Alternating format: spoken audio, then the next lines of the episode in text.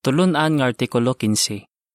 Ini nga artikulo pagatunan sa simana sa ngunyo 6 hasta 12. Maayo ka bala nga limbawa sa imo paghambal? Teksto nga ginbasiyan sini nga artikulo. Mangin halimbawa ka sa mga matutom sa imo paghambal. Unang Timoteo 4.12 Ambahano no binta. Paligo na ang isa kag isa. Ang binagbinagon sa sining artikulo. Ginhatagan kita ni Jehova sang isa kadalayawon nga regalo nga amo ang ato ni kasarang sa paghambal. Pero masubo gid kay wala ini ginagamit sang kalabanan nga tawo sa paagi nga gusto ni Jehova. Ano ang makabulig sa aton para permi maayo kag makapalig-on ang aton ginahambal bisan pa ara kita sa sining malain nga kalibutan? Ano ang himuon naton para malipay si Jehova sa aton ginahambal kung nagabantala kita ko naga-attend kita sa mga meeting sang kongregasyon, kag nag-istorya kita sa iban, binagbinagon sa sining artikulo ang mga sabat sa sining mga pamangkot. Para po uno, pamangkot. Sino ang naghatag sa aton sang ikasarang sa paghambal? Regalo sang aton may gugmaon nga Dios ang aton ikasarang sa paghambal. Sang gintuga ang una nga tawo nga si Adan, ginhatagan siya sang ikasarang nga magistorya sa iya amay sa langit. May ikasarang man siya nga maghimo sang bag-o nga mga tinaga. Gingamit ni Adan ini nga ikasarang para mahimo niya ang iya assignment nga amo ang paghatag sa ngalan sa tanan nga sapat. Kag sigurado nga nalipay gid siya sang may nestorya na siya nga isaman katawo, nga amo ang iya matahom nga asawa nga si Eva. Para po dos, pamangkot. Paano gingamit sa indi husto nga paagi ang ikasarang sa pagambal? Sang ulihi, Gingamit sa indi husto nga paagi ang ikasarang sa paghambal. Halimbawa, nagbinutig si Satanas nga yawa kay Eva. Bangod sini nga kabutigan, nakasala ang mga tao kag nangin indi sila perpekto. Sang nakasala si Adan, ginbasol niya si Eva. Kag ginbasol pagani niya bisan si Jehova. Sang ginpatay ni Cain ang iyautod nga si Abel, nagbinutig si Cain kay Jehova. Sang ulihi, Nagkumpuso ang kaliwat ni Cain nga si Lamik sang isa ka binalaybay nga nagapakita nga grabe gid kalain sa mga tao sadto. Ano naman ang masiling naton sa mga tao subong? May mga politiko nga nagapamuyayaw sa tubangan sang madamo nga tao. Kag mabatian sa kalabanan nga pelikula ang malaway nga panghambal. Sa eskwelahan kag sa ulubrahan, madamo ang nagapamuyayaw kag nagahambal sing binastos. Ginapakita sining malaway nga panghambal sa mga tao nga grabe na gid kalain sa kalibutan subong. Para po tres, pamangkot. Nga dapat kita magalong, kag ano ang binagbinago naton sa sining artikulo? Kung hindi kita maghalong, posible nga dawala na lang sa aton kung makabati kita sang malaway nga panghambal kay permi naton ini mabatian. Posible pagani nga mailog naton ini nga panghambal. Bilang mga alagad ni Jehova, gusto naton nga malipay siya sa aton. Gani ginalikawan gid naton ang malaway nga panghambal. Gusto naton gamiton ang dalayawon nga regalo nga ikasarang sa paghambal sa husto nga paagi, nga amo ang pagdayaw sa aton Dios. Sa sining artikulo, binagbinago naton kung paano naton ini mahimo. Una, kung nagabantala kita. Ikaduha, kung naga-attend kita sa mga meeting sang kongregasyon. Kag ikatlo, kung nagaistorya kita sa iban. Pero binagbinagon anay naton kung nga ah, importante kay Jehova kung paano naton ginagamit ang aton ikasarang sa paghambal. Importante kay Jehova ang aton paagi sang paghambal. Para po 4, pamangkot. Suno sa Malakyas 3.16, nga a importante kay Jehova kung paano naton ginagamit ang aton ikasarang sa paghambal. Ang Malakyas 3.16 nagasiling, Gani nagambalanay ang mga nagakahadlo kay Jehova. Kag si Jehova padayon nga nagapamati sing maayo sa ila. Kag isa ka libro nga nagaunod sa mga ngalan nga ginadumdum sang Dios ang ginsulat sa atubangan niya tuhoy sa mga nagakahadlo kay Jehova kag tuhoy sa mga nagapamalandong sa iya ngalan. May isa ka libro sa Jehova nga nagaunod sa mga ngalan sa mga tao nga ginadumdum niya. Ini nga mga tao nagakahadlok sa iya kag nagapamalandong sa iya ngalan, kag ginapamatudaan nila ini sa ila paghambalanay. Ano ayhan ang rason kung nga a ginasulat ni Jehova ang ilang ngalan sa iya libro? Bangod mabalaan sa aton ginahambal kung ano ang ara sa aton tagipusoon. Si Jesus nagsiling, sa kabuganaan sang tagipusoon nagahambal ang baba. Mateo 12.34 Mabalaan sa topiko nga aton ginaistoryahan kung daw ano naton kapalangga sa Jehova. Kagusto ni Jehova nga magkabuhi sing wala sing katapusan sa bagong kalibutan ang mga nagapalangga sa iya. Para po 5, pamangkot sa A. Paano makaapekto sa aton pagsimba ang aton paagi sang paghambal? Pamangkot sa B. Base sa mga picture, ano ang aton dapat tandaan parte sa aton paagi sang paghambal? Nagadepende sa aton paagi sang paghambal kung bala batono ni Jehova ang aton pagsimba sa iya. Makita sa paagi sang paghambal sang pila nga wala nagaalagad sa Dios nga madali sila maakig, masakit sila maghambal, kag bugalon sila. Hindi gid naton gusto nga mangin pareho sa ila. Sa baylo, gusto naton nga malipay si Jehova sa aton paagi sang paghambal. Malipay ayahan sa aton si Jehova kung maayo kita maghambal kung ara kita sa aton mga meeting, kag kung nagabantala kita, pero masakit kita maghambal sa mga miyembro sang aton pamilya kung wala sang ibang nga tawo? Ari ang paathag sa mga picture nga gingamit para sa parapo 4 kag 5. Ginaba isang brother ang akig nga tagbalay. Wala gana magkanta ang brother sa meeting sang kongregasyon, kag nagakotso-kotso ang isa ka sister. Ang caption sini nga mga picture nagasiling. Ano ang ara sa imo tagipusoon kung basihan ang imo paagi sang paghambal? Para po size pamangkot. Ano ang makalilipay nga resulta sang maayo nga paagi sang paghambal ni Kimberly? Kung ginagamit nato ng aton ni kasarang sa paghambal sa maayo nga paagi, ginapakita naton sa iban nga nagaalagad kita kay Jehovah. Ginapakita naton sa ila ang kinalain sang isa nga nagaalagad sa Dios kag sang isa nga wala nagaalagad sa iya. Malakyas 3.18 Matuod ini sa eksperyensya sang isa ka sister nga si Kimberly nga nagaeskwela sa high school. Ginsilingan siya nga mag-obra sang project upod sa isa niya ka classmate.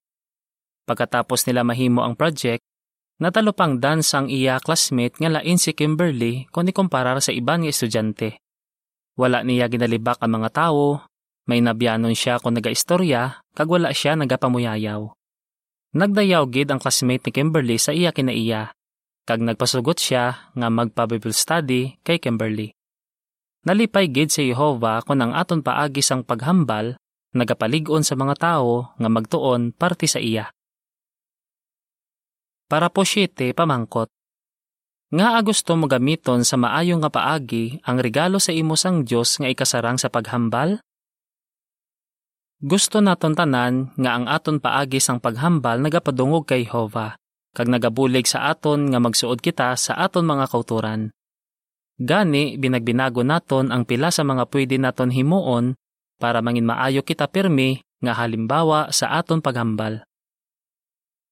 Mangin maayo nga halimbawa kung nagabantala para po otso pamangkot. Paano nagpakita si Jesus ang maayo nga halimbawa sa iya paghambal sang nagbantala siya?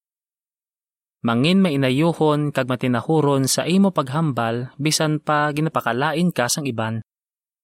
Sang nagbantala si Jesus diri sa duta, may mga tao nga nagsiling nga palahubog siya, sobra siya kapalakaon, kakonsabo siya sang yawa, wala niya ginatuman ang adlaw nga idugpahuway, kag ginapasipalahan niya ang Dios.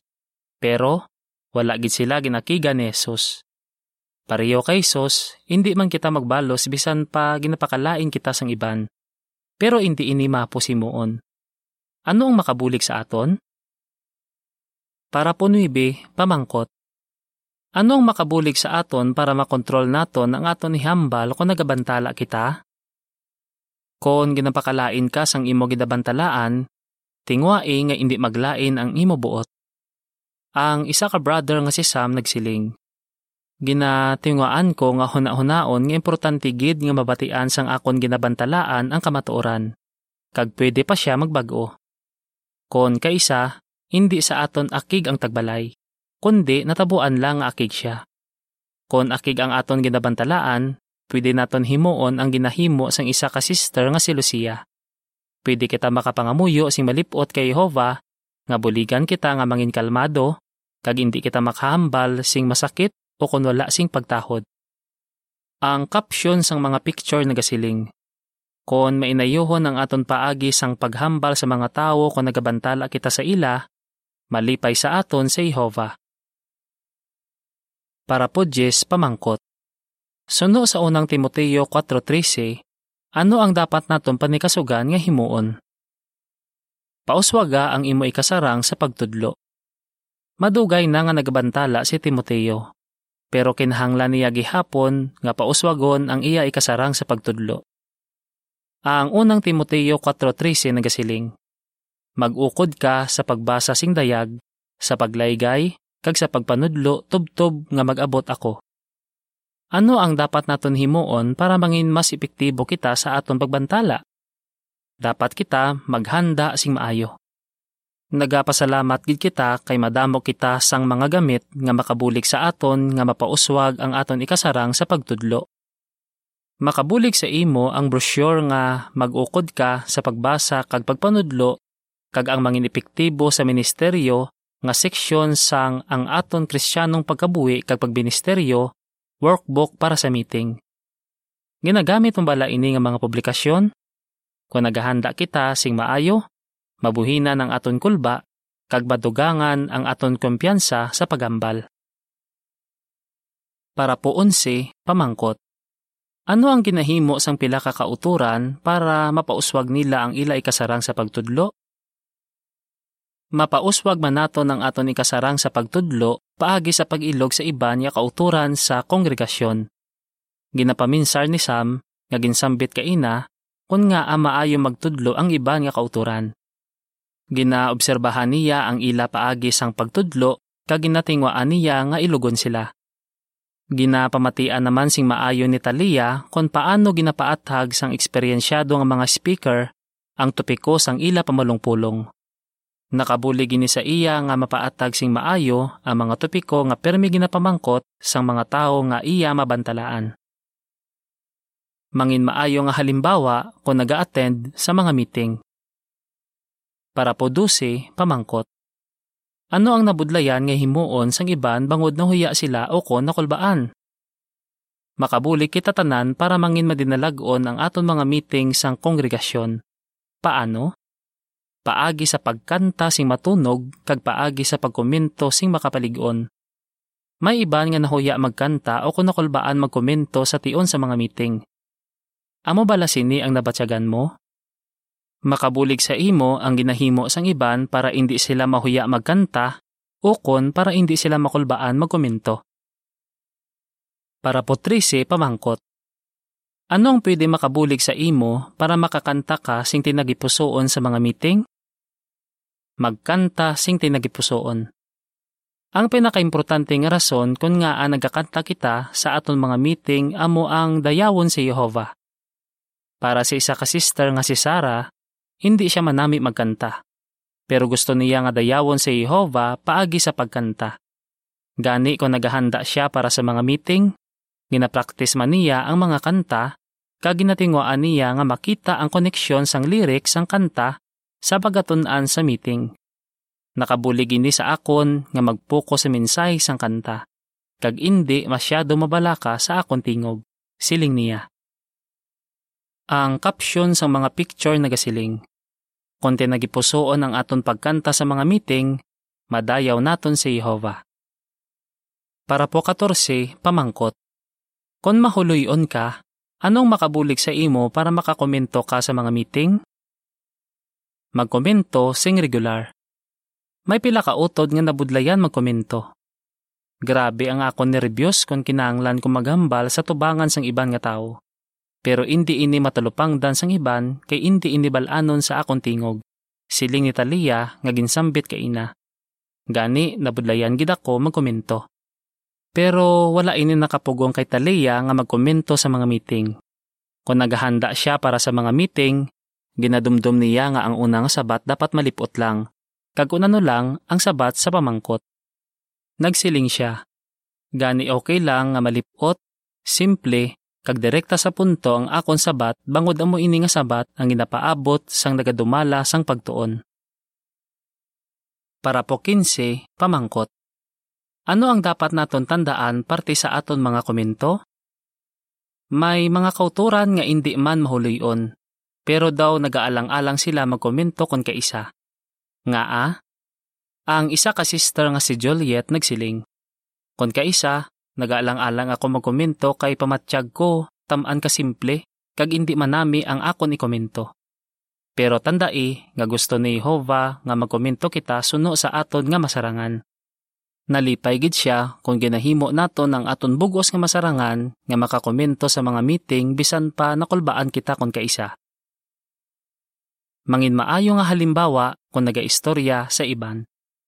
Para po 16 pamangkot. Ano nga klase sang paghambal ang dapat naton likawan? Likawi ang tanan nga klase sang masakit nga hambal. Efeso 4.31 Ginsambit kaina nga hindi dapat magpamuyayaw ang isa ka krisyano. Pero dapat kita maghalong kay may mga klase sang paghambal nga daw hindi naton matalupangdan nga masakit na gili nga hambal.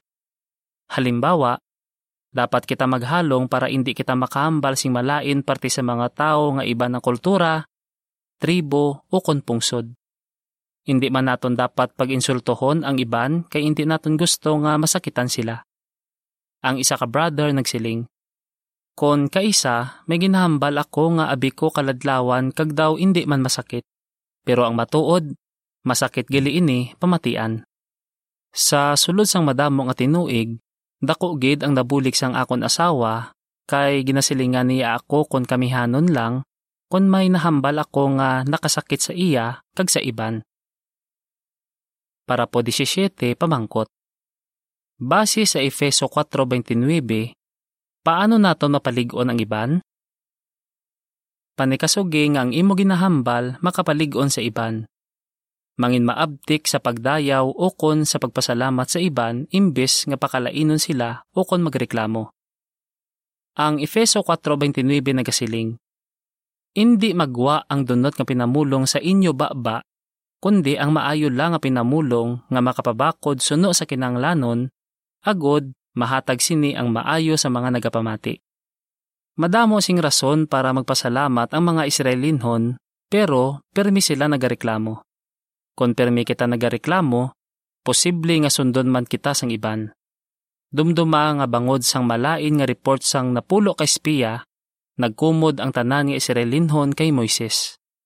Numeros 13, 31 hasta 14, 4. Pero kung ginadayaw naton kag ginapasalamatan ang iban, makabulig ini para mangin malipayon ang tanan.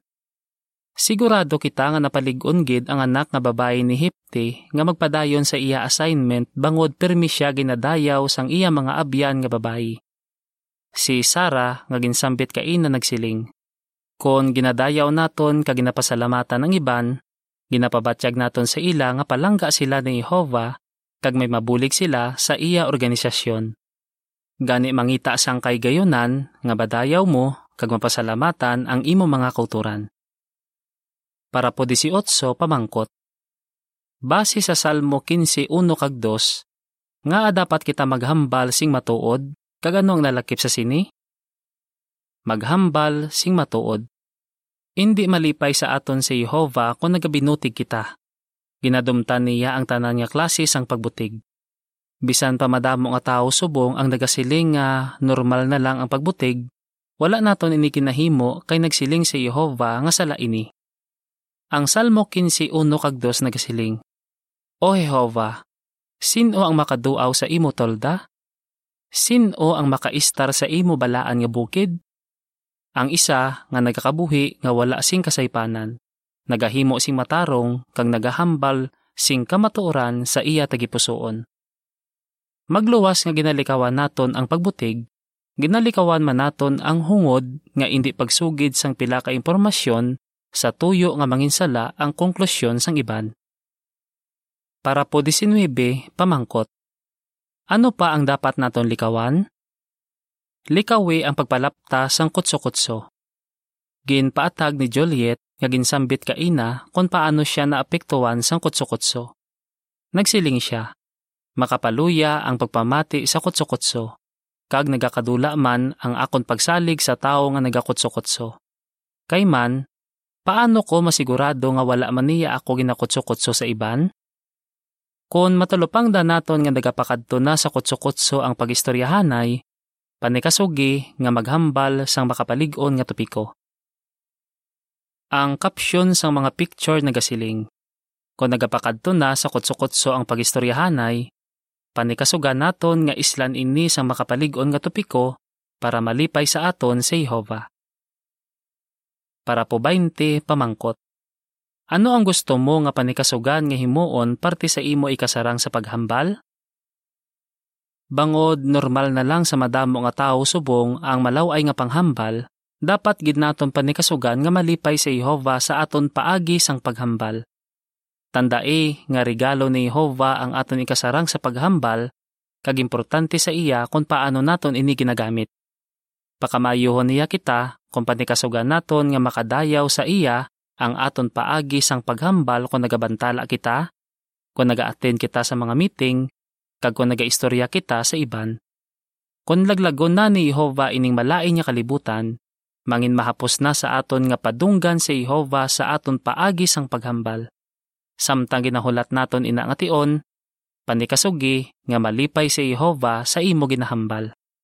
Salmo 19:14 Paano kita mangin maayo nga halimbawa sa aton paghambal?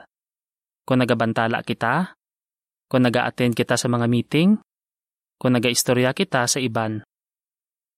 Hambahanon 121 Kinahanglan naton ang pagpugong sa kaugalingon. Dire natapos ang artikulo.